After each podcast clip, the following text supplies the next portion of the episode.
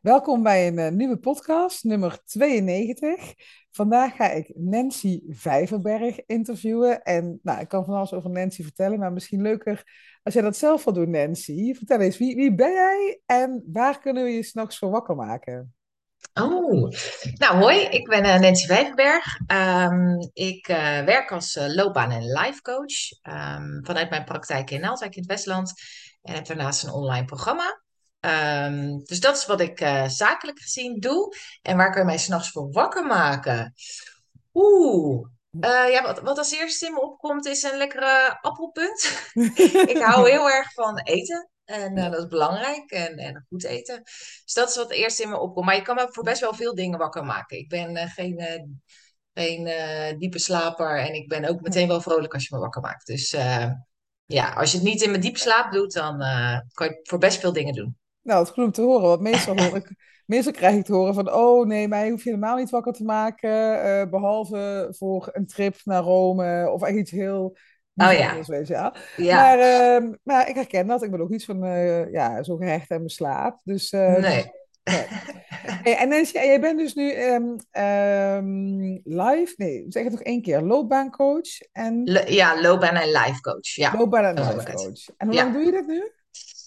Um, ik werk nu ruim 3,5 jaar voor mezelf. En daarvoor heb ik uh, vier jaar uh, in dienst gewerkt van een grote, grote corporate, um, ook als loopbaancoach. Oké. Okay.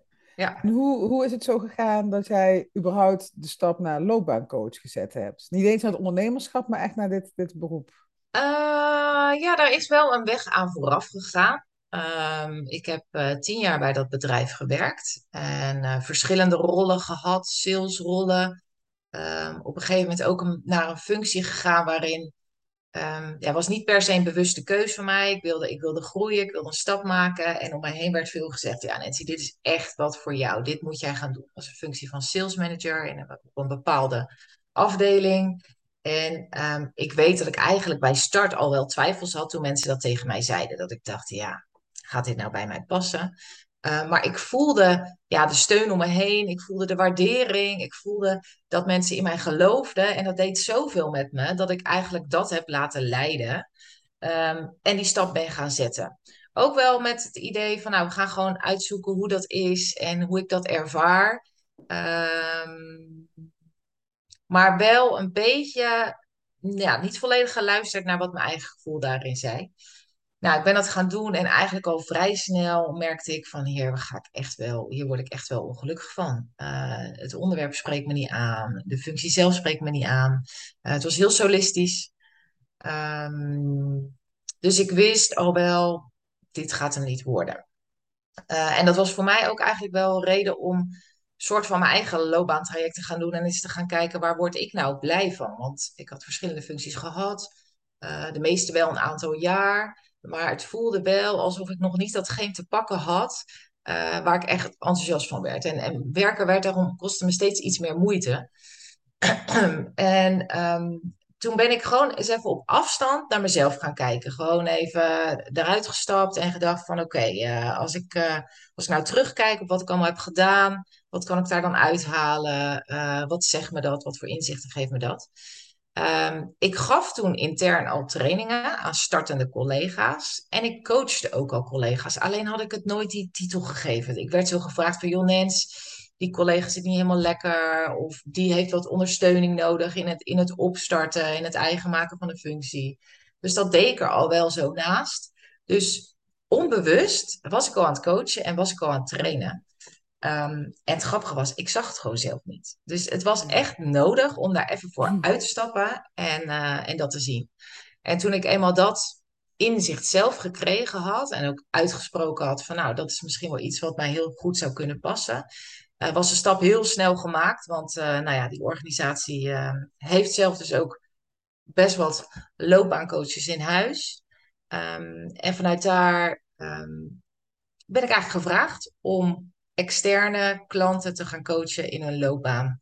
Uh, in langdurige ziektetrajecten, in um, uh, oriënteren op de loopbaan, outplacement trajecten en het geven van trainingen. En ik wist eigenlijk al vrij snel ook toen ik in die rol zat, ja, dit is het. Dit is wel wa- wa- waarvan ik weer zo door die gangen Mhm. loop en Eh, waar ik weer energie van krijg en eh, eh, waarvan ik ook veel meer op een dag kan doen dan wanneer ik in die andere rol zit en voornamelijk aan het denken ben. Ik zat toen ook helemaal in mijn hoofd in die Oh andere ja, functie.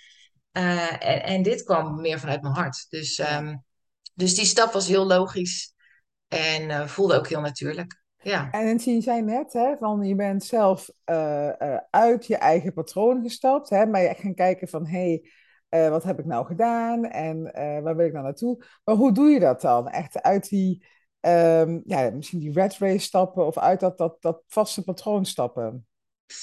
Ehm, Ja, door echt af en toe. Ik heb toen, nou, als we hem heel praktisch maken, gewoon tijd ingepland om niet bezig te zijn met werk. En ehm, letterlijk van afstand, alsof ik in een helikopter stapte, naar mezelf gaan kijken. En op een rijtje gezet van: oké, wat ik nu allemaal heb gedaan. ehm, wat vond ik daarvan? Wat waren de punten waar ik energie van kreeg? Wat kostte me juist energie? Eh, wanneer zat ik in mijn kracht? Eh, wanneer ehm, gingen dingen vanzelf? Eh, dat een beetje op een rijtje gezet en vanuit daar ook gekeken wat kan ik hier uithalen voor de toekomst. En op het moment dat je natuurlijk doorgaat en in je functie zit, en, ehm, dan is het heel lastig om dat te ervaren. Want dan Mhm. ja, ben je onderdeel van datgene wat je aan het doen bent. En daarvoor zal je echt even afstand moeten nemen, letterlijk alsof je in een ander, andere stoel, op een andere stoel gaat zitten. eh, of vanuit iemands ander, anders ogen naar jezelf kijkt. Ehm, en daarvoor ben ik ook veel gaan schrijven.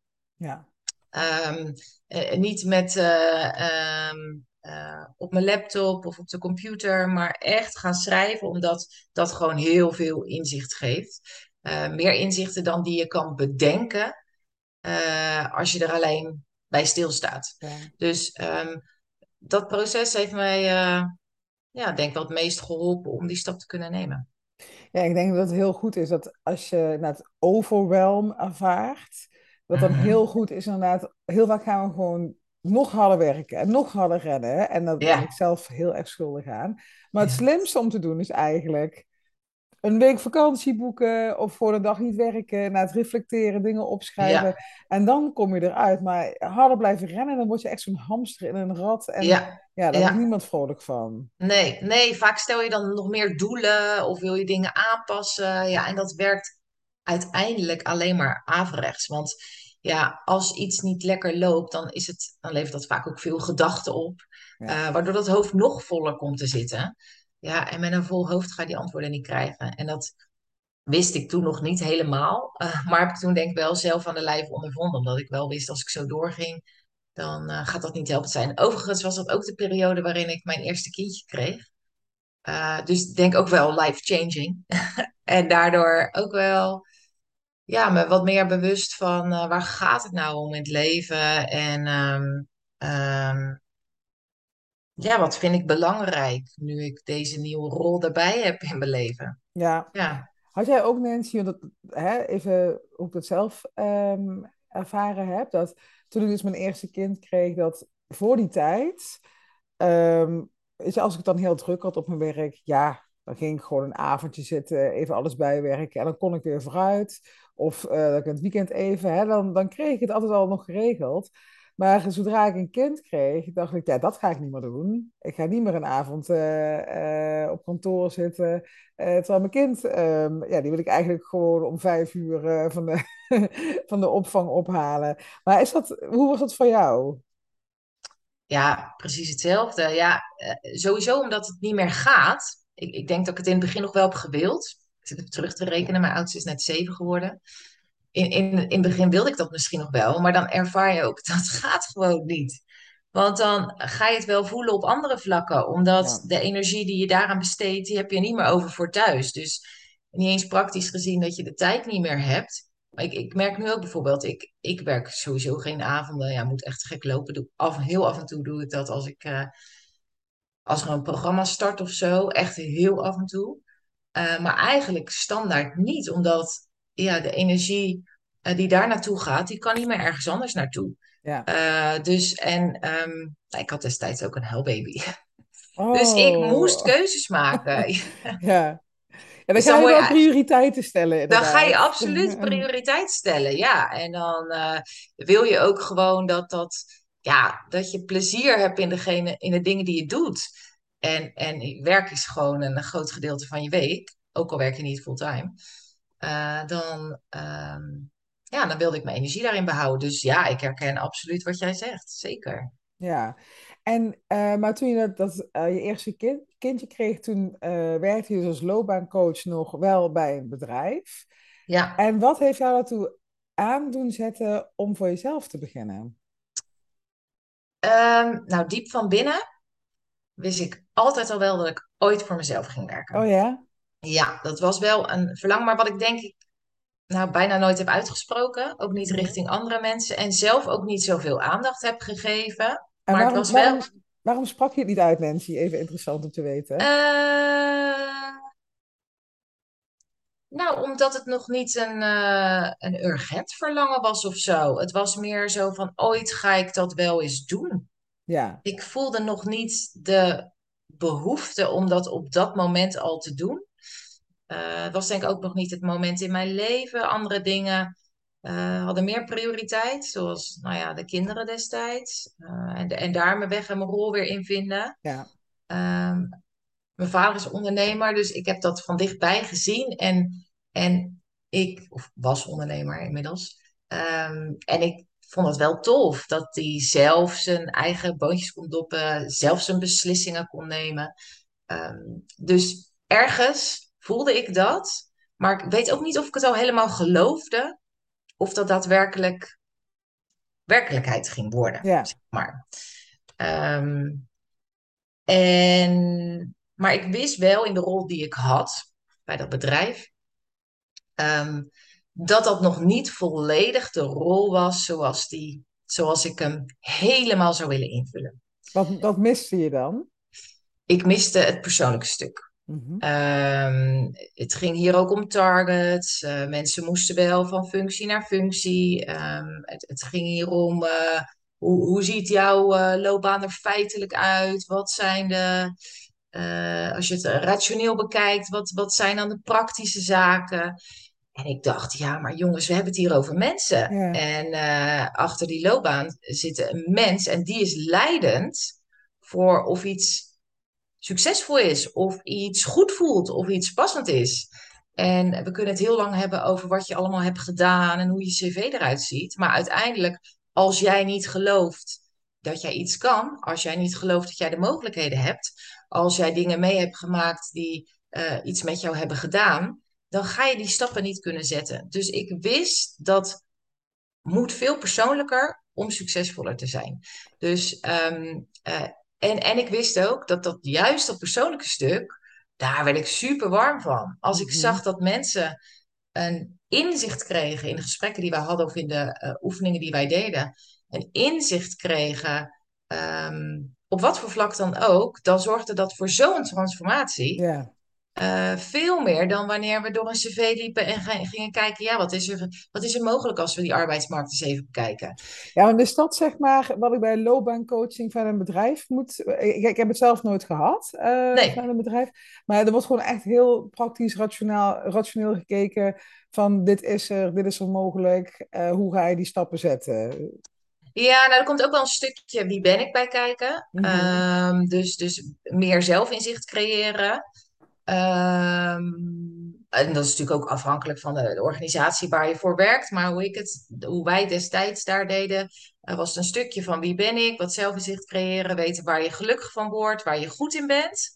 En vanuit daar kijken wat is realistisch en welke stappen kan ik gaan nemen. Ja, Ehm, en dat was gewoon, ja, dat, dat was voor mij te sumier. Eh, ik wilde eigenlijk ook wel levens veranderen. Ik wilde wel mensen weer ehm, volledig gelukkig maken met wie ze zijn en wat ze doen. ja, Maar in mooi. eerste instantie met wie ze zijn. Want En, als dat je geluk oplevert, dan volgt die loopbaan vanzelf. en nog even heel nieuwsgierig, eh, zoals ik ben. eh, is het dan ook als, als je dus loopbaancoach bij een bedrijf bent, is het dan ook de bedoeling dat je die eh, mensen probeert binnen het bedrijf te houden? Of is het ook de, als daar buiten mogelijkheden voor ze liggen, is het ook prima als ze naar buiten gaan? Dat is afhankelijk van de vraag. Ehm, als je het hebt over outplacement, dat is echt um, dat mensen weg moeten bij een huidige Ja. organisatie door reorganisatie, door wat dan ook. Uh, dus dan is het doel echt, uh, krijg je als loopbaancoach het doel, iemand moet doorstromen richting een ander, andere functie binnen een ander bedrijf. Uh, loopbaanoriëntatie is soms ook de vraag. En dan is het vooral, nou, ik, ik, ik doe wat ik doe, maar ik word er niet blij van. Of ik ben er niet um, succesvol genoeg in? Uh, wat kunnen we gaan doen om ervoor te zorgen dat ik er wel blij van word? Of dat de re resultaten beter worden? Uh, dat. En eigenlijk die laatste was vaak wel hetgeen wat mij gelukkig maakte. Want dan ga je veel meer met de persoon aan de slag. Dan dat je um, ja, heel resultaatgericht aan de slag gaat. Ja, precies. Oké. Ik was daar even, ik heb, zelf ook ooit wel eens in een outplacement traject gezeten, inderdaad. Ja. Maar ik was heel benieuwd hoe dat dan inderdaad random voor mensen binnen bedrijf is die dan inderdaad niet lekker op een plek zitten, hoe dat dan gaat.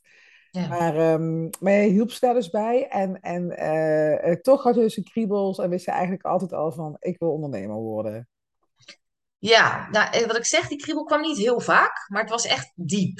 Ja, ik, het zat diep in mijn lijf, wist ik het wel ergens. Um, maar het was niet uh, iets waarvan ik dacht, dat ga ik op hele korte termijn doen. Of daar was ik veel mee bezig van, wanneer ga ik dat dan aan doen? Ik was er eigenlijk helemaal niet mee bezig. Nee, nee dat ontstond eigenlijk uh, natuurlijk, doordat uh, de organisatie waar ik voor werkte um, een grote Amerikaanse organisatie overnam. Um, en ze daardoor volledig digitaal gingen werken. dus uh, mensen echt di digitaal coachen. En in de rol die ik daar had, was ik in eerste instantie verantwoordelijk voor het binnenhalen van mijn trajecten. Um, uh, het, het, contact houden met de klanten, dus mijn opdrachtgevers. Uh, het coachen van mijn coaches. Het geven van trainingen. Super dynamisch, heel veelzijdig. Heel leuk om te doen. En door die overname zou ik een van die stukjes eruit mogen gaan pakken. Dus zou ik Hmm. of, of sales of account manager worden, of coach. Maar als coach heb je alleen contact, je geeft geen trainingen, want dat doet weer iemand anders. En toen dacht ik zo, alleen bij de gedachte word ik al, uh, oh, kreeg ik al een beetje de kriebels. Um, en ik zag absoluut de meerwaarde erin want, van in. Uh, want tuurlijk, efficiënter en uh, meer mensen tegelijkertijd helpen. Uh, en ik wist wel, uh, dit is. Toen ik dat hoorde, had ik voor het eerst het gevoel: volgens mij moet ik nu voor mezelf gaan. Dus um, uh, ik had En- blijkbaar een zetje daarin nodig. En je had niet de gedachte van, ik ga proberen eenzelfde soort functie weer bij een ander bedrijf te gaan zoeken? Nee, geen haar op mijn hoofd die daaraan heeft gedacht. Nee, dat was echt. eh, Toen kwam echt eh, eh, dat, dat diepe verlangen wat er wel zat, maar wat niet heel urgent was, kwam toen ineens naar boven. Ja, mooi. Dit is wat ik ga doen. En ik heb er ook eigenlijk geen twijfel over gehad. Ik heb toen zelf nog wel een aantal gesprekken gehad met een coach om te onderzoeken of ik dat daadwerkelijk wilde. Maar stiekem, toen ik aan die, dat waren drie gesprekken. En toen ik daaraan begon, wist ik het eigenlijk al. Ja. Weet je? En, maar ik had nog wel een soort van die bevestiging nodig.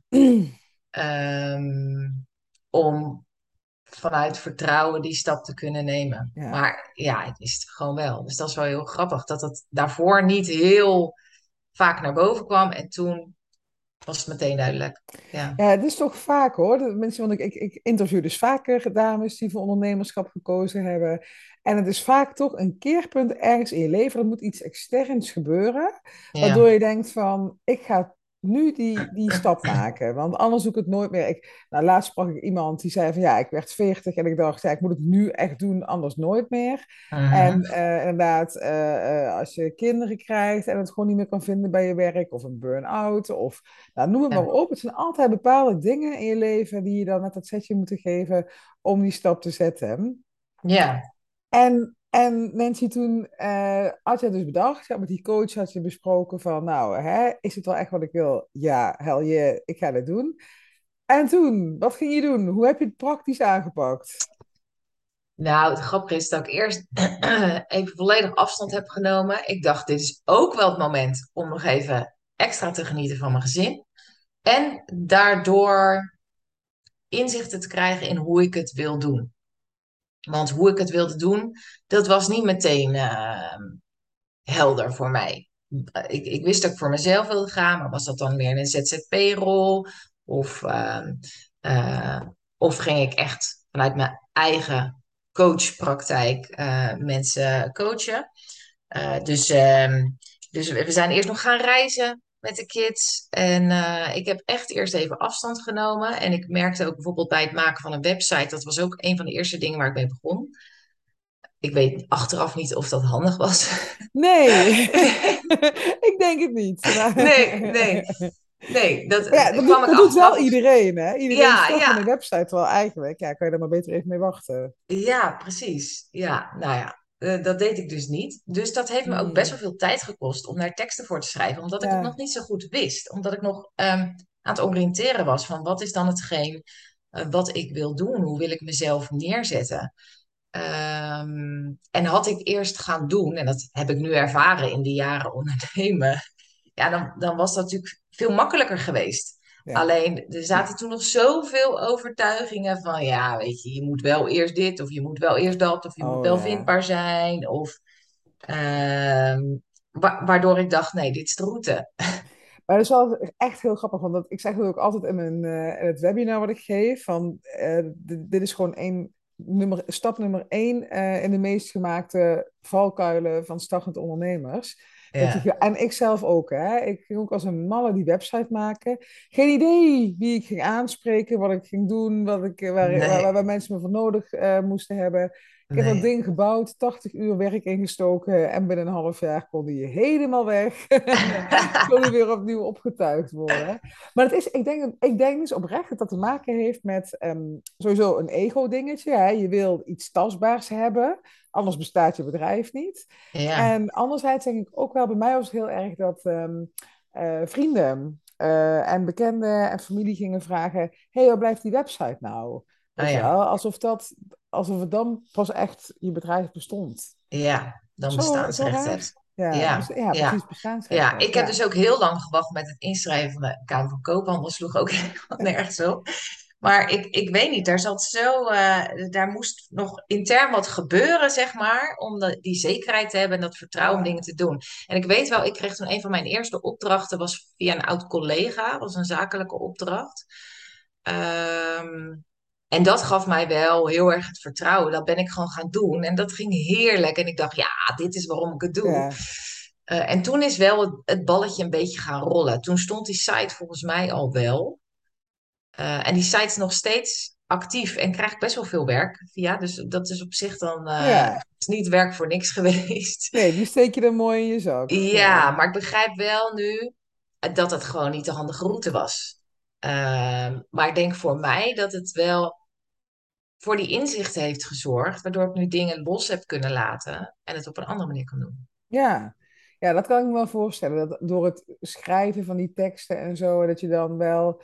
Um, ja, er is een proces gaande. Hè? Je energie gaat ergens naartoe en je ja. komt ergens. Dus um, uh, wat dat betreft is dat wel heel, heel fijn. Maar heb jij zelf um, uh, het ondernemen zeg maar, helemaal zelf geleerd? Heb je het wiel zelf uitgevonden of uh, ben je nog bij een coach geweest?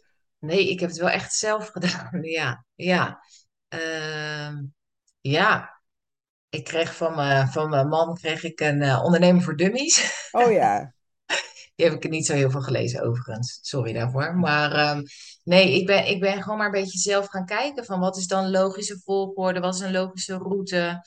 Um, ik heb een klein ondernemersplannetje omschreven, maar die is in een la beland. En uh, ik zou niet eens meer weten wat erin staat heb ik niet zo heel veel mee gedaan.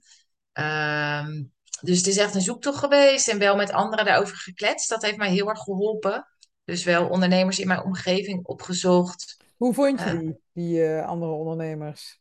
Uh, nou, ik heb wel wat ondernemers in mijn omgeving. Uh, dus, dus vrienden, familie.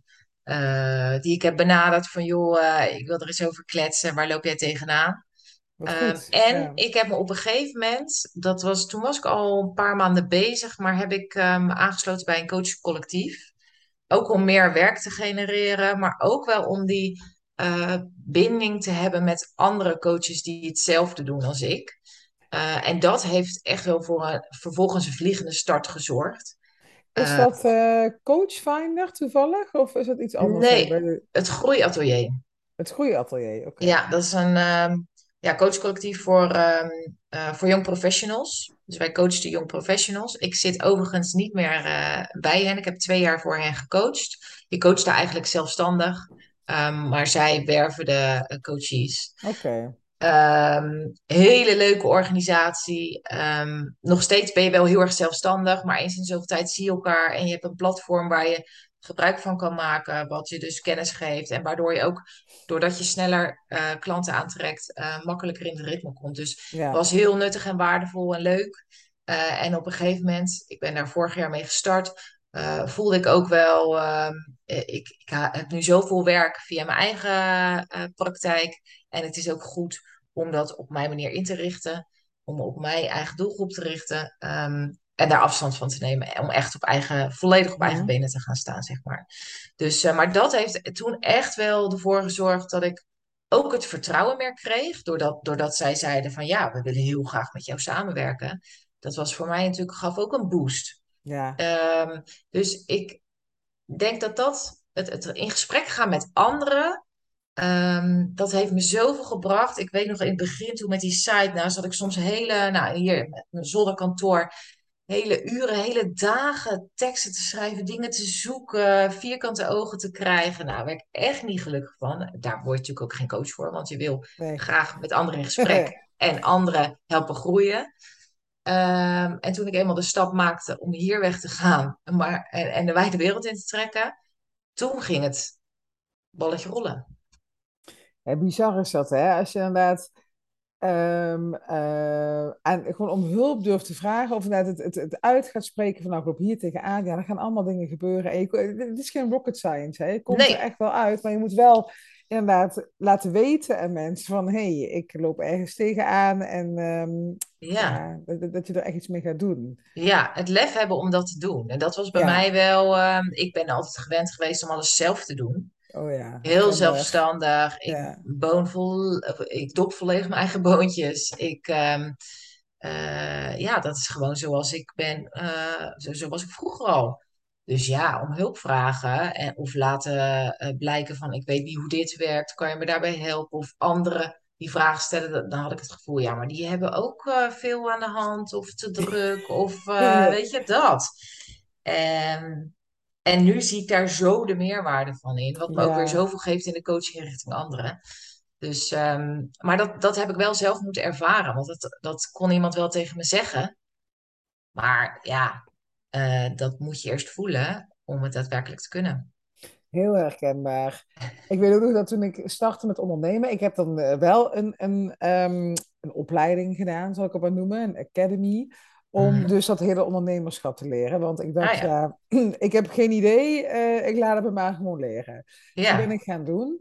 En ehm, toen weet ik nog dat van tevoren gezegd werd van, oh, je gaat zoveel leuke andere ondernemers leren kennen en zoveel leuke vrouwen. En dat ik echt daar gewoon bijna paniek van kreeg. Ik dacht, ja, maar ik heb, ik heb al genoeg aan mijn eigen vrienden. Ik vraag hun wel om hulp. En nu denk ik van, oh, wat, wat dacht ik toen? Ik heb, ik heb zoveel op dagelijkse basis aan buddies, coaches, uh, andere inspirerende ondernemers. Je, je hebt, je hebt toch... Ik denk oprecht dat als je de illusie hebt om in je eentje te gaan ondernemen zonder ooit enige vorm van hulp aan te nemen, dat het gewoon niet gaat lukken. nee. Nee, ik denk ook. Nou, ik denk dan ook niet dat je dan uh, sterk kan worden in hetgeen wat jij doet. Want Nee. daar komen altijd andere dingen bij kijken. Uh, Ja, uh, toch? Ja, ik, ik zie het dan vooral op technisch vlak. Of, ja, technisch ook, ja. maar ik denk, ik denk ook wel eh, mentaal. Hè? Tenminste, vooral het eerste Mhm. jaar vond ik best wel intens. Mhm. En eh, toen heb ik ook wel eens een keer mezelf... Toen ging ik mijn kind naar school brengen. En dat ik mezelf echt even een hek moest vasthouden. Ik dacht van, wat ben ik een godsnaam aan het doen? Want ik realiseerde me opeens van... Oh, ik heb geen recht meer hè, op eh, steun vanuit UWV, overheid, dat soort dingen. Hè? Mhm. En ik dacht echt van, wat ben ik aan het doen? Ik ben zo eh, eh, alleen en echt zo'n zo'n paniekaanval had ik toen. En toen heb ik volgens mij, toen heb ik twee buddies gebeld van, oh, ik sta hier nu echt te trillen als een rietje bij, bij school, help mij. Nou, binnen vijf minuten was ik gewoon weer op aarde en kreeg ik even een reality check van, oh hé, hey, maar je hebt toch een hele grote goede klant en dit en dat en zo en zo. Ja, Maar um, ja, ga dat maar eens in je eentje doen. Weet je, had, had ik in mijn eentje daar gestaan, dan ja, was ik er nooit meer uitgekomen. Dan had ik gedacht van, nou, ik, uh, ik stop ermee. ja, wat goed. Hey, en en, en die, eh, die ondernemers, je zegt, ik heb daar dan wel een opleiding voor gedaan. Eh, waar heb je dat gedaan? Ja, ik was, want ik was um, uh, altijd in loondienst, was ik executive assistant. Hè, bij, bij grote bedrijven werkte ik dan.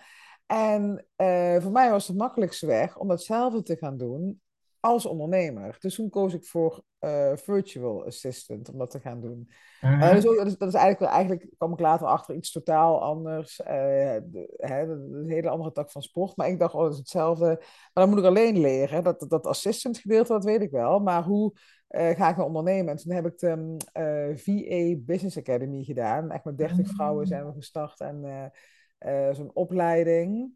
En dan leer je dus echt het ondernemen, hoe je klanten vindt. En hoe, ja, ook hoe je een website maakt. En hoe je vindbaar wordt. En dat soort dingen allemaal. Um, dus dat, ja, dat, dat, het, voor mij had het niet anders gekund. Want ik was, uh, ik was zo bang dat ik durfde het gewoon niet in mijn eentje te gaan doen. Dus zo, zo was mijn route. Ja. En, en heeft dat ervoor gezorgd dat je het vervolgens wel durfde? Ja, ja want het, het, voor mij was het vooral het contact met al die vrouwen. Hè. Nou, het waren er dertig, maar ik had er met vijf, zes had ik heel intensief contact van een appgroepje, waar, dat, dat stond rood gloeiend iedere dag. Dat ging echt van uh, het logo-ontwerp, de huiskleuren, de website, LinkedIn, Instagram. Het ging de hele dag door over alles. Over ook, daar hadden we ook het eerste jaar allemaal last van. Dat, um, dat we allemaal met onze partners, die gewend waren dat het huishouden op orde was. Maar opeens wordt het ondernemerschap veel belangrijker. Dus dan werd de was gewoon in zakken geflikkerd. En dan moest iedereen maar uh, zelfs zijn eigen onderbroek eruit vissen. En daar hadden, we het, daar hadden we het dan ook heel regelmatig over die app. En dat heeft mij echt um, ja, enorm geholpen. Dus ik vind het altijd best wel, uh, ja, best wel bewonderenswaardig. Net zo, zoals jij, dat je gewoon zegt van... hé, hey, ik voel het, ik ga het gewoon doen. Tuurlijk, hè, je vraagt om hulp. Maar je hebt niet, uh, zoals ik dat heb gehad, een soort stappenplan voorgeschoteld van hé, hey, dit moet je doen. En, um, nee. Ja, dat, uh... nee. Maar ik vind het, dan vind ik het weer bewonderenswaardig dat jij dus wel die stap neemt. Want achteraf gezien had dit denk ik wel helpend voor me geweest. Um, als ik in die tijd, want in die tijd had ik nog niet zozeer uh, onwijze buddies of verbinding met anderen. Ja, ik, ik voerde hier en daar wel gesprekken, maar uiteindelijk deed ik het wel echt zelf. Ja. En ik heb genoeg mensen in mijn omgeving waar ik het mee erover kon hebben en wat kon delen. Uh, maar ik denk dat het mij wel had geholpen, zeker qua persoonlijke groei, om wel die stap te nemen van hé, hey, ik ga je hulp verzoeken. Maar ik was toen ook nog heel erg van nee, maar die kosten moeten wel laag blijven, ja. want er komt nog niks binnen. Ja. Dat was mijn gedachte. Dat was echt, uh, ja, die heeft er wel voor gezorgd dat ik zoiets niet heb gedaan, denk ik. Nee, nee, ik vond het ook heel heftig, want uh, die opleiding kostte 5000 euro. Nou, die had ik echt niet op de planken liggen, want we hadden net een verbouwing gehad. Uh, nou, twee kinderen vlak achter elkaar gekregen. Dus ik heb het echt bij elkaar moeten sprokkelen. Ja. Uh, maar goed, ik ben er nog steeds heel blij mee, want anders, ik, ja, voor mij was dat gewoon de manier. En uh, ik denk dat het voor jou gewoon dit gewoon de manier is geweest. Maar ik denk wel oprecht Um, uh, dat het heel fijn is als je start met ondernemen, dat je andere ondernemers ook leert kennen, dat je in hetzelfde schuitje zit. Ja. Uh, um, zeker hè, als je iemand bent die zich wat sneller uit het veld laat slaan. En uh, ja, dan kan je dat echt enorm, uh, enorm goed helpen. Ja. Ja, Nancy, en daar, daarover gesproken trouwens, dat vind ik ook wel even leuk om aan jou te vragen. Van, je bent nu drie jaar um, ondernemer, Mhm. als ik het goed heb onthouden. Ja. Ja. En in die drie jaar, wanneer, wanneer ben jij precies gestart? Wanneer heb je Nou, ingeschreven? Wat ik even Nou, iets, eh, ik denk eh 1 januari, eh, twee- oh, 1 januari 2019. Dus iets meer dan drie Oh jaar. ja, oh ja, Ja, oh ja, oké, dan ga je al richting ja, de vier jaar. Ja, ja. precies. Want ik, eh, ik was er uh, inderdaad 1 januari 2020 was ik bij de KVK. Dacht, misschien hebben we nog op Oh, dezelfde ja. moment ingeschreven, maar dat is, niet zo. Maar um, um, in, in die afgelopen jaren, wat, wat vind jij nou het leuke aan het hele ondernemerschap? Waarom zouden mensen het überhaupt moeten overwegen? Ja, ik denk een heel geëikt antwoord, maar dat is echt de vrijheid. het feit dat ik volledig in charge ben ehm, met wat ik doe. Mhm. is overigens ook niet altijd zo geweest, want ik, ik, ik kon mezelf ook wijsmaken dat ik bepaalde dingen wel of niet moest doen, of wel of niet vrij kon nemen, of weet ik veel wat. Ehm, en het feit dat het zo voor een persoonlijke, zo'n intense persoonlijke groei zorgt. Ja. Ja, dat, ik, ik hou van leren. Zet mij eh, iedere dag eh, ergens waar ik dingen kan leren. En ik ben helemaal eh, in mijn element. Dus de, de vrijheid en de persoonlijke groei die het oplevert. Omdat je, ja, iedere stap die je neemt, kom je weer dingen van jezelf tegen. Leer je weer dingen van jezelf. Eh, die ook weer heel erg helpend zijn in het coachen. Ja. Ehm, ja, dat zijn wel echt de allerbelangrijkste. By far. Als ik nu ineens zou bedenken van joh, dat loopbaancoaching hartstikke leuk. Maar eh, ik ga aardappelen verkopen. Ik weet niet hoezo ik daaraan denk. Maar dan zou dat zomaar een stap kunnen zijn. Ja. En, en die, ehm, ik voel nu ook het vertrouwen om eventueel die stap te nemen. Ik weet dat toen ik begon, dat ik nog heel, hard, heel erg het gevoel had van, nou, laat ik maar blijven in hetgeen wat ik doe. Daar ben ik goed in, dat weet ik. Daar heb ik heel veel ervaring in. Ehm, en dan zien we gaandeweg wel. Dat is ook een goede keuze geweest, want Ja. het ondernemen is een vak op zich. En dat had ik totaal nog niet in de vingers. Eh, dus, dus dat was een goede keuze van eerst, weet je, laten we het een beetje stabiel houden op dit vlak en dan wel zien hoe het loopt. Ehm, en ik weet ook wel dat ik ooit iets, ehm, iets, ook iets wil ondernemen in iets tastbaars. Oh ja. Ehm, ja, en wat dat dan is, weet ik ook nog niet. Maar zit Maar je dan te denken aan een tas, een parfum? eh, wa- wa- welke nee, ik heb het geen, ik heb geen idee. Maar iets op de Oh, markt willen zetten. oh Ja, ja? geen idee. En daar heb ik ook niet per se een doel voor. Ik denk ook als ik dat nu ga forceren, dat dat niet per se iets naar boven komt wat, eh, wat me gaat geven waar, waar ik op hoop. Dus dat, dat laat ik ook. Maar ik weet wel dat er ooit iets meer tastbaars gaat komen. Dat is al in de zin dat ik een online programma heb opgezet. Dus dat voelt voor mij al tastbaarder ja. ehm, dan de één op één coaching. Ehm, en, en er gaat nog wel meer aankomen qua ondernemen. Maar wanneer of eh, I don't know, dat we het heel interessant, Nancy, want ik, ik geloof ook altijd in van als je dit soort dingen uitspreekt, dat het dan Ja, echt zo'n katalysator is. Dat er opeens ja, eh, dingen op je pad kunnen gaan komen. Dus dit wil ik wel eventjes eh, in de gaten houden van eh, volgend jaar. Dat ik kan zeggen van, hé, hey, weet je ja, nog wat je vorig jaar ja, zei? Ik ga even de markt brengen en waarschijnlijk ben je dan misschien al mee bezig ja. Ja. Nou, ik denk dat die nog iets langer duurt. Wat al eerder gaat gebeuren is dat ik ook al wil spreken. Dat heb ik ook al wel Oh, uitgesproken. ja? Ehm, om, om grotere groepen vrouwen te, eh, te inspireren. Dus daar ben ik al wel een beetje mee bezig om dat uit te zoeken en hoe ik dat eh, kan uitrollen. Wat grappig, Nancy, dat is ook echt eens een droom van mij. En ik ben er ook een beetje zo, eh, hè, een beetje het uitzoeken, echt stapjes in zetten. Maar hoe doe jij dat dan? Eh, nou, daar zit ik echt nog volledig in de be- beginfase hoor. Maar door het, ik heb zelf nu ook een eh, business coach door het met haar erover te hebben, ehm, uit te spreken in mijn omgeving. Ehm, mijn vrienden en familie die verbaast dat totaal niet, want ik heb dat op zich in mijn, ook in mijn ehm, leven in loondienst gedaan, ook gesproken voor grotere groepen. En ik vind het ook leuk om te doen. Ik pak ook makkelijk die rol in andere settings. Ehm, dus dus het uitspreken dat ik dat ook vanuit deze hoedanigheid wil, is de eerste stap. En ook een beetje kijken van waar gaat dat vuurtje dan van branden? Welke Ja, omgeving zie ik mezelf staan? En, en ik heb daar nog geen concrete dingen voor gedaan in de zin dat ik organisaties benader of weet ik veel wat, maar wel het plaatje voor mezelf wat helderder krijgen. Ehm, ja, zodat ik dat ook makkelijker richting anderen ja, eh, kan verkondigen. En, en wellicht op latere termijn ook wel de kansen zie om daar wat mee te gaan doen. ja, Ehm, dus misschien in eerste instantie is met eh, eh, aanhaken bij een programma van iemand. Of ehm, ik weet niet, ik zie ook iets van een theater voor me. I don't know. Maar dat is. En zo doe ik het ook in mijn loopbaantrajecten. Het is leuk om een beetje te fantaseren, dingen ja, visueel te maken. Ehm, er is wat over te roepen, vervolgens weer een beetje bij te schaven. Ehm, het, het hoeft niet binnen een week op papier te staan. Nee, ik denk hoe meer ik het een beetje laat sudderen, eh, hoe, hoe minder druk erop zit. Want daar wil ik ook echt geen druk op leggen. ja. Ehm, ja, hoe passender het straks uiteindelijk gaat zijn. Ja, leuk. Ik ben heel benieuwd. Ik, ik Ja, ga, ik ga alles in de gaten houden, Nancy. ik ben ook wel heel benieuwd naar jou nu, maar ik weet niet of dat eh, binnen ons interview past. Ja, nou, ik kan ook. Ik ben ook echt in de, in de kinderschoenen sta ik hierin. En ehm, ehm, ik heb me laatst bij wat organisaties aangemeld van hey, ik zou graag willen spreken. Nou, dan heb ik wel een online uitnodiging gekregen om ergens online te spreken. Dat vind ik ook leuk. Maar het Mhm. liefst wil ik inderdaad op een podium gaan. En ehm, nou ja, daar, daar ben ik nog. Ik, ik ga ook inderdaad zo'n programma bij iemand volgen om dat allemaal te leren en te doen. Want voor mij is het best wel ver van mijn bedshow. Ja, ja. Ehm, ja, maar inderdaad, we dwalen af. Focus terug.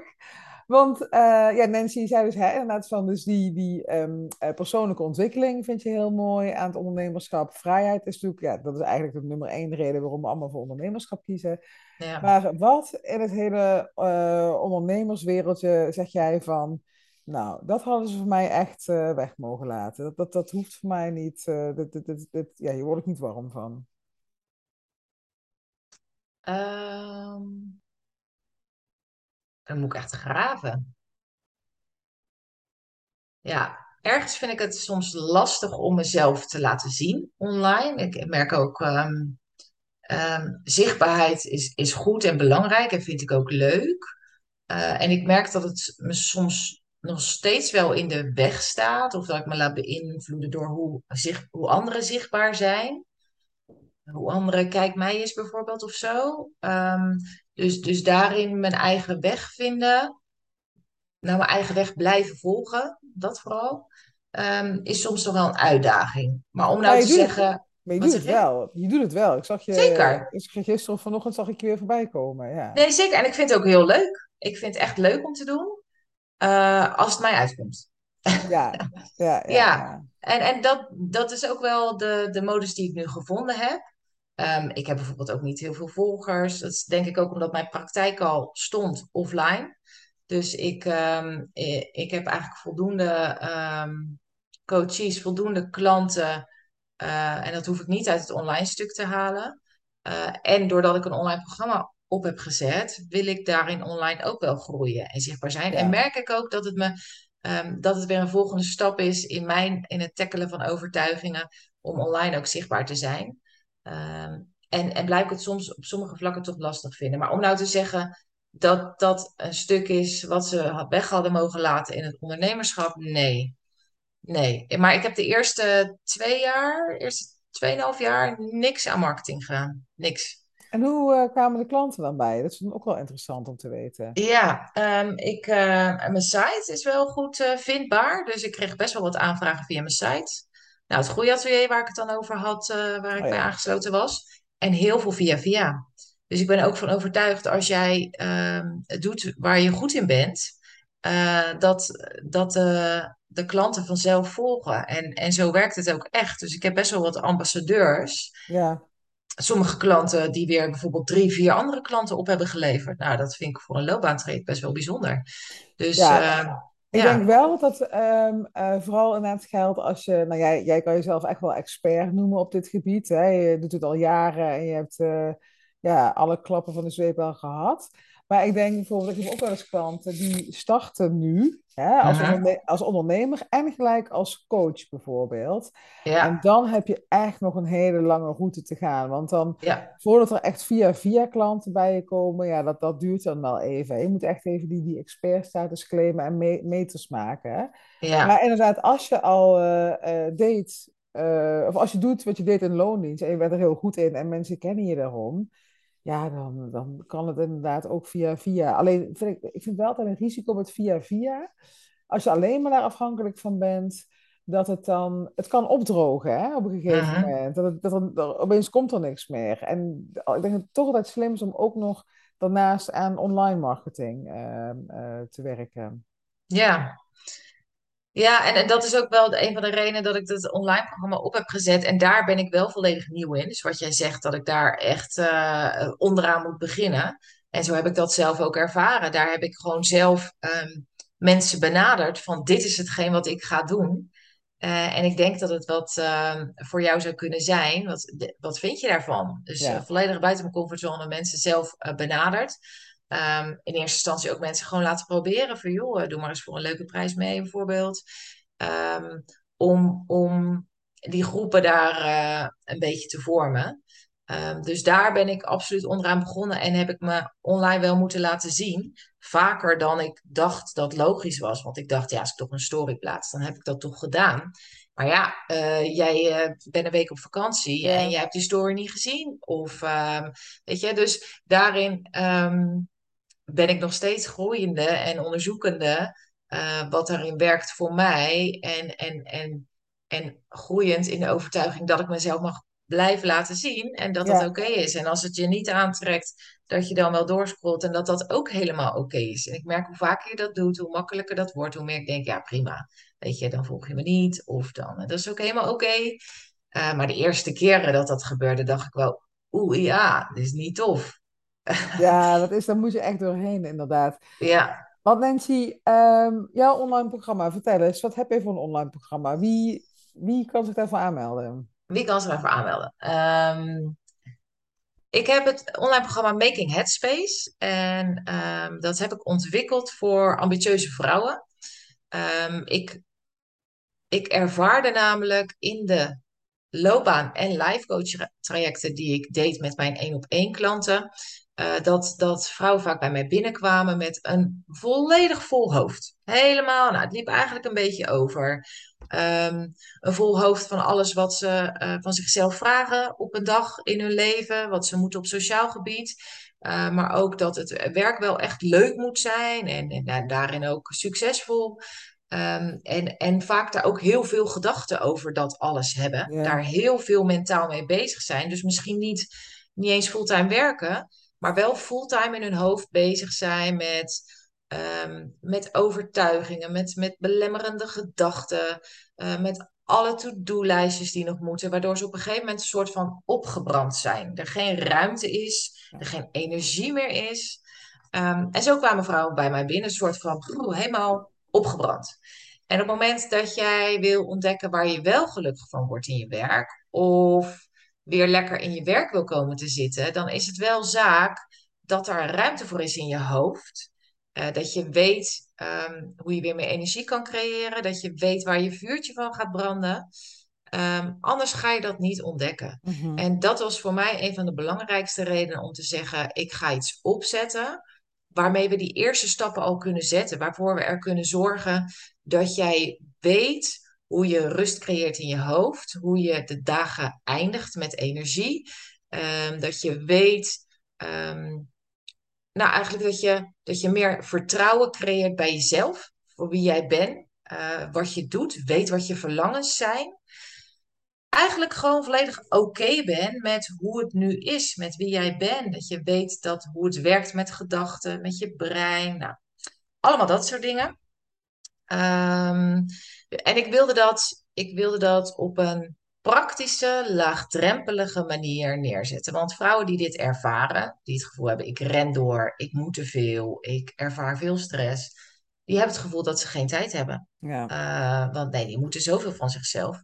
Um, dus ik heb een, een praktisch laagdrempelig programma opgezet van 30 dagen waarin je om de dag 10 tot 15 minuten bezig bent met of een kleine oefening of wat theorie, um, die je gaan helpen om na die 30 dagen te zeggen, ja, ik, er is hier weer ruimte ontstaan. Ik weet hoe het werkt. Ik weet hoe ik mezelf af en toe saboteer. Uh, en ik weet aan welke knoppen ik kan draaien om vanuit energie en vanuit geluk de dingen te doen. Um, dus dat is wat ik opgezet heb. En dat was in eerste instantie een groepsprogramma. Heel tof, heel leuk om te doen. En ik merkte ook wel dat uh, een hoop mensen zoiets hadden. Ja, die datum om te starten komt niet helemaal oh ja. uit. En het moet flexibel zijn. Want ja, als je het gevoel hebt dat je geen tijd hebt. Dus vanaf 1 september kun, uh, kunnen vrouwen instappen wanneer ze in willen stappen. En het programma op hun eigen tempo volgen. En dat is denk ik wel echt uh, hetgeen wat ervoor gaat zorgen dat het nog makkelijker is om aan te haken. Leuk. Ja, en ik, ik, denk ook voor heel veel vrouwen, ook uit de wereld waar ik uit kom, hè, de, die hele Zuidaswereld, um, dat, dat als ik denk aan die tijd, dat je dan inderdaad uh, in dat hoofd zo blijft zitten. Dat je maar... Ja. Ik, ik zie mezelf echt nog in bed zitten of liggen en dan s'nachts denken van... ehm, het, hoe, hoe kan ik dit nou volhouden? Weet je? Hoe, hoe kan het nou zo zijn dat iedereen ehm, eh, maar werkt en kinderen heeft, soms nog meer dan wat ik heb. Hè? Ik heb er twee, maar eh, ja, collega's die dan vier kinderen hadden. Mhm. Uh, hoe kan het dat zij allemaal functioneren, maar dat ik het idee heb dat ik het verzuipen ben en dan en maar malen en maar malen en denken dat de antwoorden komen. Maar hoe meer ja, je gaat malen, hoe minder de antwoorden gaan komen en hoe gestrester je wordt en niks gaat meer lopen en je begint ook een soort van nare dingen aan te trekken of zo. Dat gevoel heb ik dan altijd. Ja. Ja. Maar En, dat is ook zo. Dat, dat, dat ja, is letterlijk zo. Want die, die energie, die trilling, die is dan ook op zo'n niveau dat je dat ook aantrekt. En dat is dan misschien meteen weer inhoudelijk, maar dat is wel zoals het werkt. Ja, ja. En, en, eh, maar ik, ik dacht toen altijd van, als ik maar lang genoeg nadenk, ik ga het al vinden. Ik ga, ik ga erachter komen. Ik ga gewoon al, als een soort Google in mijn hoofd, ga ik gewoon alle oplossingen scannen. Maar het, eh, ik had echt nooit kunnen bedenken, hey, het antwoord ligt als ik stoppend in het hoofd zit en eens naar mijn gevoel ga luisteren. En ik denk dat dat ook, dat dat ook is wat dames kunnen bereiken bij jou in het programma. Dat ze echt cruciale levensvragen kunnen gaan beantwoorden als ze uit het hoofd komen. En inderdaad, hè, die headspace creëren en eh, kunnen gaan voelen van, hé, hey, waar word ik nou gelukkig van? ja. Dat is precies de essentie van het eh, programma. Ja, ja dat, dat weer leren. Want Ja, we zijn zo. ehm, nou, in sommige gevallen misschien ook wel opgevoed of gewend in deze ma- maatschappij om dingen te beredeneren, logisch te bekijken, eh, realistisch te bekijken, eh, om dingen vooruit te plannen. Als je werkt in een, eh, in een, in een functie waarin je ook strategisch bezig bent, ja, dan moet je het wel realistisch kunnen bekijken. En tegelijkertijd, als het gaat om dit soort essentiële vraagstukken in je leven, die ga je niet vinden in je hoofd. Dat is nee, een, op, op intuïtieniveau, gevoel, hart, buik, hoe je het wil noemen. Ehm, en als je weet hoe dat voelt, als je weet hoe je daarnaar eh, kan grijpen, kan je ook de keuze maken om te switchen tussen dat stuk hoofd en dat stuk gevoel. Want het is niet gezegd dat dat hoofd niet goed is. Nee, dat is heel nuttig en eh, hebben we absoluut ja. nodig, mits we er niet in verzanden.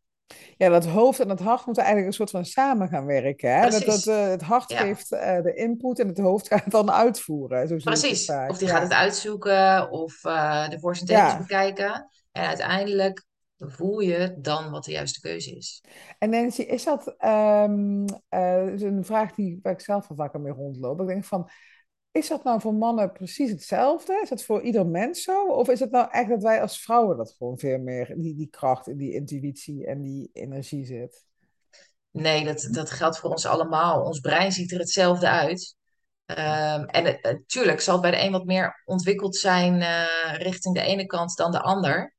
Ehm, dus, dus wellicht dat, dat mannen daarin een, ehm, aangeleerd zijn of aangeleerd hebben om dat op een andere manier te doen. Maar uiteindelijk ja, bestaan we uit dezelfde. Kijk, ik ben geen breinwetenschapper, maar zover mijn kennis reikt, ehm, eh, hebben zij dezelfde delen en kunnen zij op, die, op dezelfde manier inzetten. En het is wel zo, en ik denk dat dat ook cultuurgebonden is, dat wij ehm, op een bepaalde manier zijn opgevoed, bepaalde gewoontes hebben in de cultuur waarin wij leven waardoor we het op een bepaalde manier doen. Uh, maar zouden we een ander gedrag aanleren, uh, dan uh, zou dat weer volledig anders kunnen zijn, als je begrijpt wat ik bedoel. ja, ja, Dus weet je, wij, wij leren onszelf iets aan. Wij um, hebben een bepaalde strategie. Uh, wij zien vrouwen dezelfde dingen doen. Of wij, weet je, en, en daardoor creëren we een cultuur van gedrag. Uh, maar daarin kan je ook andere keuzes maken. En dat geldt voor mannen en voor vrouwen. ja. Bizar is het eigenlijk, hè? Het zijn we echt helemaal aan het denken van hoe we inderdaad bepaald worden door de omgeving, het land waar we in opgroeien, wat mensen vinden. Terwijl, en, dan- en dan dan vergeet je gewoon bijna echt naar eh, je gevoel te luisteren wat, wat jij wil. Dus ik denk, supergoed programma Nancy. En eh, even kijken, vanaf 1 september, nou, de podcast komt later uit, hè, 13 september komt deze uit. Maar vanaf 1 september kunnen vrouwen zich bij jou aanmelden. uh -huh. En kan dat via jouw website of Instagram? Dan zet ik die ook even in de show notes van uh, de podcast. ja dat kan via mijn website nancyvijverberg.nl uh, slash making headspace. stuur ik je ook nog wel even. Uh, daar staat ook uitgelegd wat het precies inhoudt, wat ze kunnen verwachten. Uh, en kan je aanmelden. En na aanmelding krijg je eigenlijk meteen uh, toegang. Of nou, toegang. Je, je, je, bent onderdeel van het programma en krijgt dan om de dag een oefening of een mail. Het start eigenlijk met een, met een langere video, dus een, een soort masterclass. En daar eindigt het ook mee. En halverwege het programma heb je de mogelijkheid om deel te nemen aan een QA. Nou, superleuk. Ja. En Nancy, want ik probeer altijd um, de podcast maximaal een uur te laten duren. Maar volgens mij gaat dat nu wel lukken. Ik ben even de tijd uh, kwijt. Maar um, dan wil ik altijd nog vragen aan het einde van... Um, nou ja, je weet, ik, ik, ik heb een hele focus op meer vrouwen naar het ondernemerschap mobiliseren. Maar ik weet ook uh, dat er heel veel vrouwen zijn die ja, vastlopen op angst, onzekerheden. Uh-huh. Bang zijn voor financiële onzekerheid, uh, bang voor de mening van anderen, noem maar op, noem maar op. Maar wat, wat zou jij nou tegen zo'n vrouw willen zeggen die dus denkt van ik zou wel willen ondernemen, maar ik durf het nog niet? Uh-huh. Wat zou jij zo'n vrouw willen meegeven? Um, Oeh, er komen allemaal dingen door mijn hoofd. ja, we hebben nog even de tijd. Dus gooi het ja, nou, ik denk in eerste instantie ga dat verlangen uitspreken en ga daar gesprekken over voeren met andere ondernemers uit jouw omgeving. Um, want dat is zo bepalend um, voor hoe je er zelf in zit. Daarmee kan je zo verder je mening vormen door, uh, door niet letterlijk te volgen wat anderen doen, maar wel te horen als jij zo jouw verhaal vertelt, zoals ik dat nu bijvoorbeeld doe, wat vind jij daar dan van? Wat mm haal jij eruit? Wat, wat spreekt je aan? Waardoor denk je, hmm, dat is misschien wel wat lastiger. Um, omdat dat nog een ene veilige weg is, maar wel als stiekem de eerste stappen zijn om um, wel of niet die keuze te maken. Ja. Um, want ik denk op het moment dat je jezelf een heel hard doel stelt daarin, uh, dat er een bepaalde, dan ga je iets forceren. En, en je wil eigenlijk dit in een natuurlijk proces uh, uh, aanpakken, vind ik omdat het best wel een, een, een beslissing is. Dus ga daar gesprekken over voeren met je omgeving, met ondernemers die je misschien via via kent. Uh, dus weet ik veel, een broer van een vriendin. Of een, het hoeft niet meteen alleen maar je beste vrienden en familie te zijn. Maar kijk eens welke mensen je kent. En waarvan je misschien ook wel denkt, nou weet je, dat inspireert me wat jij doet. Um, of ik vind het tof hoe je dat hebt neergezet. Of ja, ja, ik denk dat uh, als, als, als een vrouw dit uh, nu luistert en zij twijfelt, dat ze jou of mij ook wel een DM mag sturen om te vragen Zeker. van, ja, dat vinden we altijd leuk. Als, Zeker. als we weer vrouwen interesse hebben om te gaan ondernemen, ja. Ja, zeker weten. Ja, dus ik denk dat dat um, ja, een van de eerste stappen is. En, en ga schrijven. Dus als je voelt van dit is een verlangen um, of, of, iets wat vaker omhoog komt, en dat adviseer ik mijn klanten ook heel vaak, um, doe eens een braindump daarop. En, en dat betekent dat je pen en papier pakt. Ik weet niet of jij het daar wel eens over hebt. Uh, uh, ja. Zeker, ja. Ja, en, en zet timer van je telefoon en, en, en um, ga in ieder geval 20 minuten schrijven zonder onderbreking. Dus als je even niet meer weet wat je moet schrijven, schrijf je: Ik weet even niet meer wat ik moet schrijven. Um, maar uh, beantwoord in dat stuk schrijven van wat is mijn verlangen of wat maakt dat ik wil, um, wil gaan ondernemen. En dat, daar komen vaak verrassende dingen uit. En hoe langer je aan het schrijven bent, hoe meer je ook naar dat gevoelstuk stuk gaat. Um, en je, en je los kan laten welke belemmeringen er misschien zijn. Maar echt even gefocust op dat verlangen. Dus, ja. dus schrijven en, en lekker in gesprek gaan.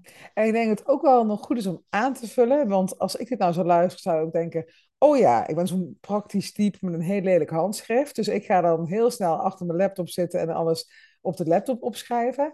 Maar uh, ik denk dat jij dat ook altijd zegt tegen jouw um, uh, coachie, dat het gewoon veel beter is om echt die energie met, die, met dat, dat schrijven alleen al, dat je even twintig minuten rustig gaat zitten en echt weer ouderwets op papier en met een pen en de tijd ervoor neemt en die, die beweging maakt. En daardoor ga je dus ook veel meer uit je hoofd en dan komt het allemaal op het papier te staan. En Ja, dat is, eh, ik heb toevallig vanochtend nog zo'n tip op Instagram gedeeld van als je zo net angsten hebt, ga die ook maar eens even allemaal opschrijven.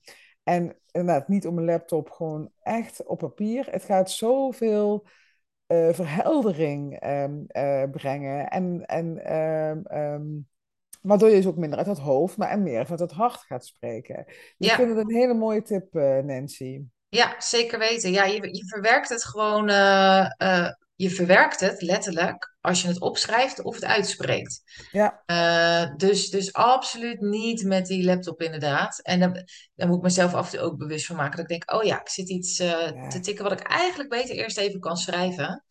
Ehm, dus absoluut, helemaal waar. Ja, ja. Dus ik denk dat dat wel eh, echt mee kunnen geven. Dat als je het ergens voelt kriebelen, zoek contact met andere ondernemers. Hè? ja, Dus eh, zij hebben het, het pad al bewandeld. En over het algemeen zijn de ondernemers altijd erg enthousiast om weer een nieuwe ondernemer te verwelkomen. En even eh, een beetje op, op, op weg te helpen. En bij de ene ondernemer krijg je misschien hele technische tips, bij de andere meer mindset tips. En eh, zo heeft iedereen een andere invalshoek. Dus, ehm, eh, en dan, dan is er nog niks aan de hand. Hè. Dan heb je gewoon die baan- en loondienst nog. Eh, je inkomsten gaan er gewoon door. Maar ondertussen ben je stiekem al aan je bedrijf aan het werken. Als je al met, hè, met, met ondernemers, ondernemers gaat praten. En ook, eh, ik zeg ook wel eens, als je een stapje verder wil gaan en echt een kijkje in de keuken wil hebben bij andere ondernemers, bied ze gewoon je hulp aan. Zeg je gewoon, hey, ik wil wel een halve dag of een dagje voor jou komen werken, gratis. Kom alleen even bij jou kijken. Eh, liggen er nog wat bonnen die ingescand moeten worden, weet ik veel. Maar gewoon dat je even lekker eh, al een beetje dat wereldje terechtkomt. En dan ben je hele kleine stappen aan het zetten. Maar stiekem ben jij je netwerk gewoon aan het opbouwen. Help je ja. ander weer, waarmee je jezelf ook weer helpt. En ja, zo ga je inderdaad zonder die druk, wat jij ook zegt. Want druk is denk ik, het, is killing voor je bedrijf. Mhm. En dan ga je gewoon lekker ontspannen, starten met het ondernemen. En dan heb je nog geen enkele enge beslissing hoeven maken, maar ben je wel al gewoon lekker bezig. Dus ik denk, Ja. ehm, twee hele mooie tips, eh, Nancy. Had je, had je nog meer in je hoofd? Want die zijn er dwarrelen, allemaal gedachten. Ja, joh, ik kan er nog wel een paar doen hoor. Eh, Maar ik vind Eh, dit denk ik wel echt de belangrijkste. ja, Ehm, Ook als je het hebt over, als we het hebben over dat schrijven, ik kan me ook voorstellen, een stap om mensen te benaderen kan voor sommige mensen ook een stap zijn. ja, Ga ook die overtuigingen opschrijven. Waar geloof je dan in? Ehm, wat het wellicht lastig maakt. Ehm, en weet dat dat gedachten zijn. Eh, gedachten ja, die, eh, die je willen beschermen voor gevaar. Want zo werkt je brein nou eenmaal. Je brein die wil je behoeden voor gevaar. Dus ja, Oh, dat kan je maar beter niet doen, want, want wat vinden anderen ervan? Of wat als het niet succesvol is? En dat zijn gedachten en dat is logisch dat die komen. En je hoeft er niks mee. Dus, ja, dus wees je daar bewust van dat die gedachten ongetwijfeld zullen komen. En dat jij mag voelen wat, wat belangrijk is, waarom je die stap wil nemen. Eh, dus, dus schrijf dat ook lekker op. Dus ja, dat- maar dat zijn echt, wat mij betreft, de belangrijkste. Die, ehm, eh, had ik dat misschien nog meer gedaan, dat ik nog wel eh, sneller eh, ehm, ja, nog sneller, actiever, meer mhm, klanten had kunnen werven. Ja, ja. Ja, dat is ik, ook, dat, ja, ik herken het ook helemaal. Ik, dat ik, ik nu nog wel eens hoor, dat ik dan af en toe denk van, oh ja, ja, ja, ben ik weer met mijn hoofd op die, op die Instagram of op LinkedIn, denk oh ja. En ik vind LinkedIn dus nu best wel een dingetje, omdat ik daar eh, mijn hele eh loopbaancarrière, zeg maar, hè, en loondienst, al mijn oude collega's zitten daar en dan ga ik nu allemaal hele kwetsbare teksten delen, wat ik op Instagram niet eens meer zo eng vind, want ja, Nee, er zijn toch veel ondernemers die alleen maar eh, open-minded zijn en zo.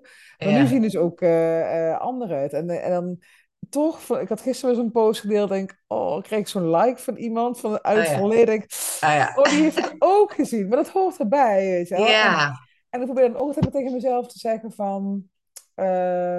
dat, dat zeg ik heel vaak van... eh, te- dan praat ik tegen mijn ego. Dan zeg ik, nou, bedankt dat je me even op attendeert. Maar nu doe ik er even niks mee. Misschien later. En dan is het ja, weg.